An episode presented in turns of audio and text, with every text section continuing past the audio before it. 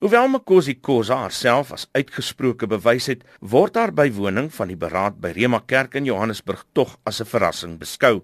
Sy is goed bewus daarvan en het onmiddellik verduidelik waarom sy in die verlede die sewe mosies van wantroue teen president Zuma teengestaan het. Volgens Khoza is sy van vroeg af geleer om die ANC kritiekloos te ondersteun, maar dit het uiteindelik vrae gebring. What if such directives are morally bankrupt?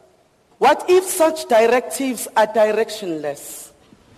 What if such directives reflect arrogance, dishonesty, denialism, and injudiciousness of that very democratically elected leadership collective?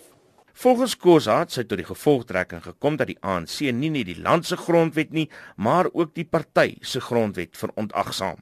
Dit het haar genoop om die beraad by te woon en president Zuma kaalvuis by te dam.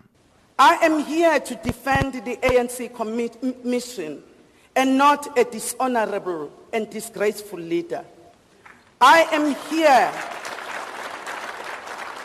I am here because as an African feminist, grounded in Ubuntu philosophy, I find a patriarchal system oppressive. I also find being led by a man who harvests women extremely intolerable.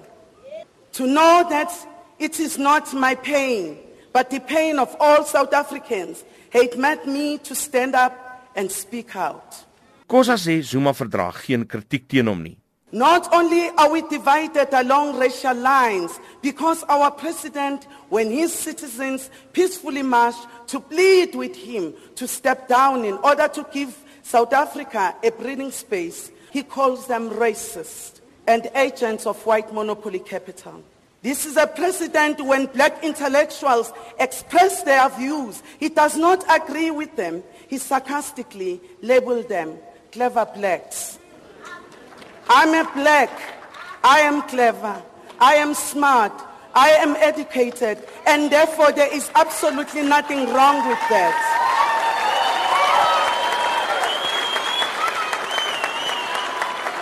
This is a president who has made us feel awkward for being black and smart. Kosa se uitgesprokenheid het haar die laaste tyd doodsdreigemente op die hals gehaal. In die lig hiervan het sy 'n baie duidelike boodskap aan die president gehad vir die dag van die volgende mosie van wantroue.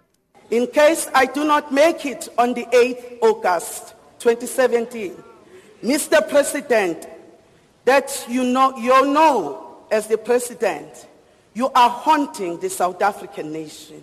You may wish to contest the ANC presidency in December 2017, but South Africa no longer needs you. Koza het haar toespraak afgesluit met 'n beroep op Zuma om sy amp neer te lê. Step aside and let moral and ethical leaders lead this country to a prosperous path. Thank you. Almal in die gehoor het haar staande toegejuig. In die voorste ry het selfs pastoor Ray McCauley, jarelange vertroueling en geestelike leier van president Zuma, ook die emosionele Khoza toegejuig.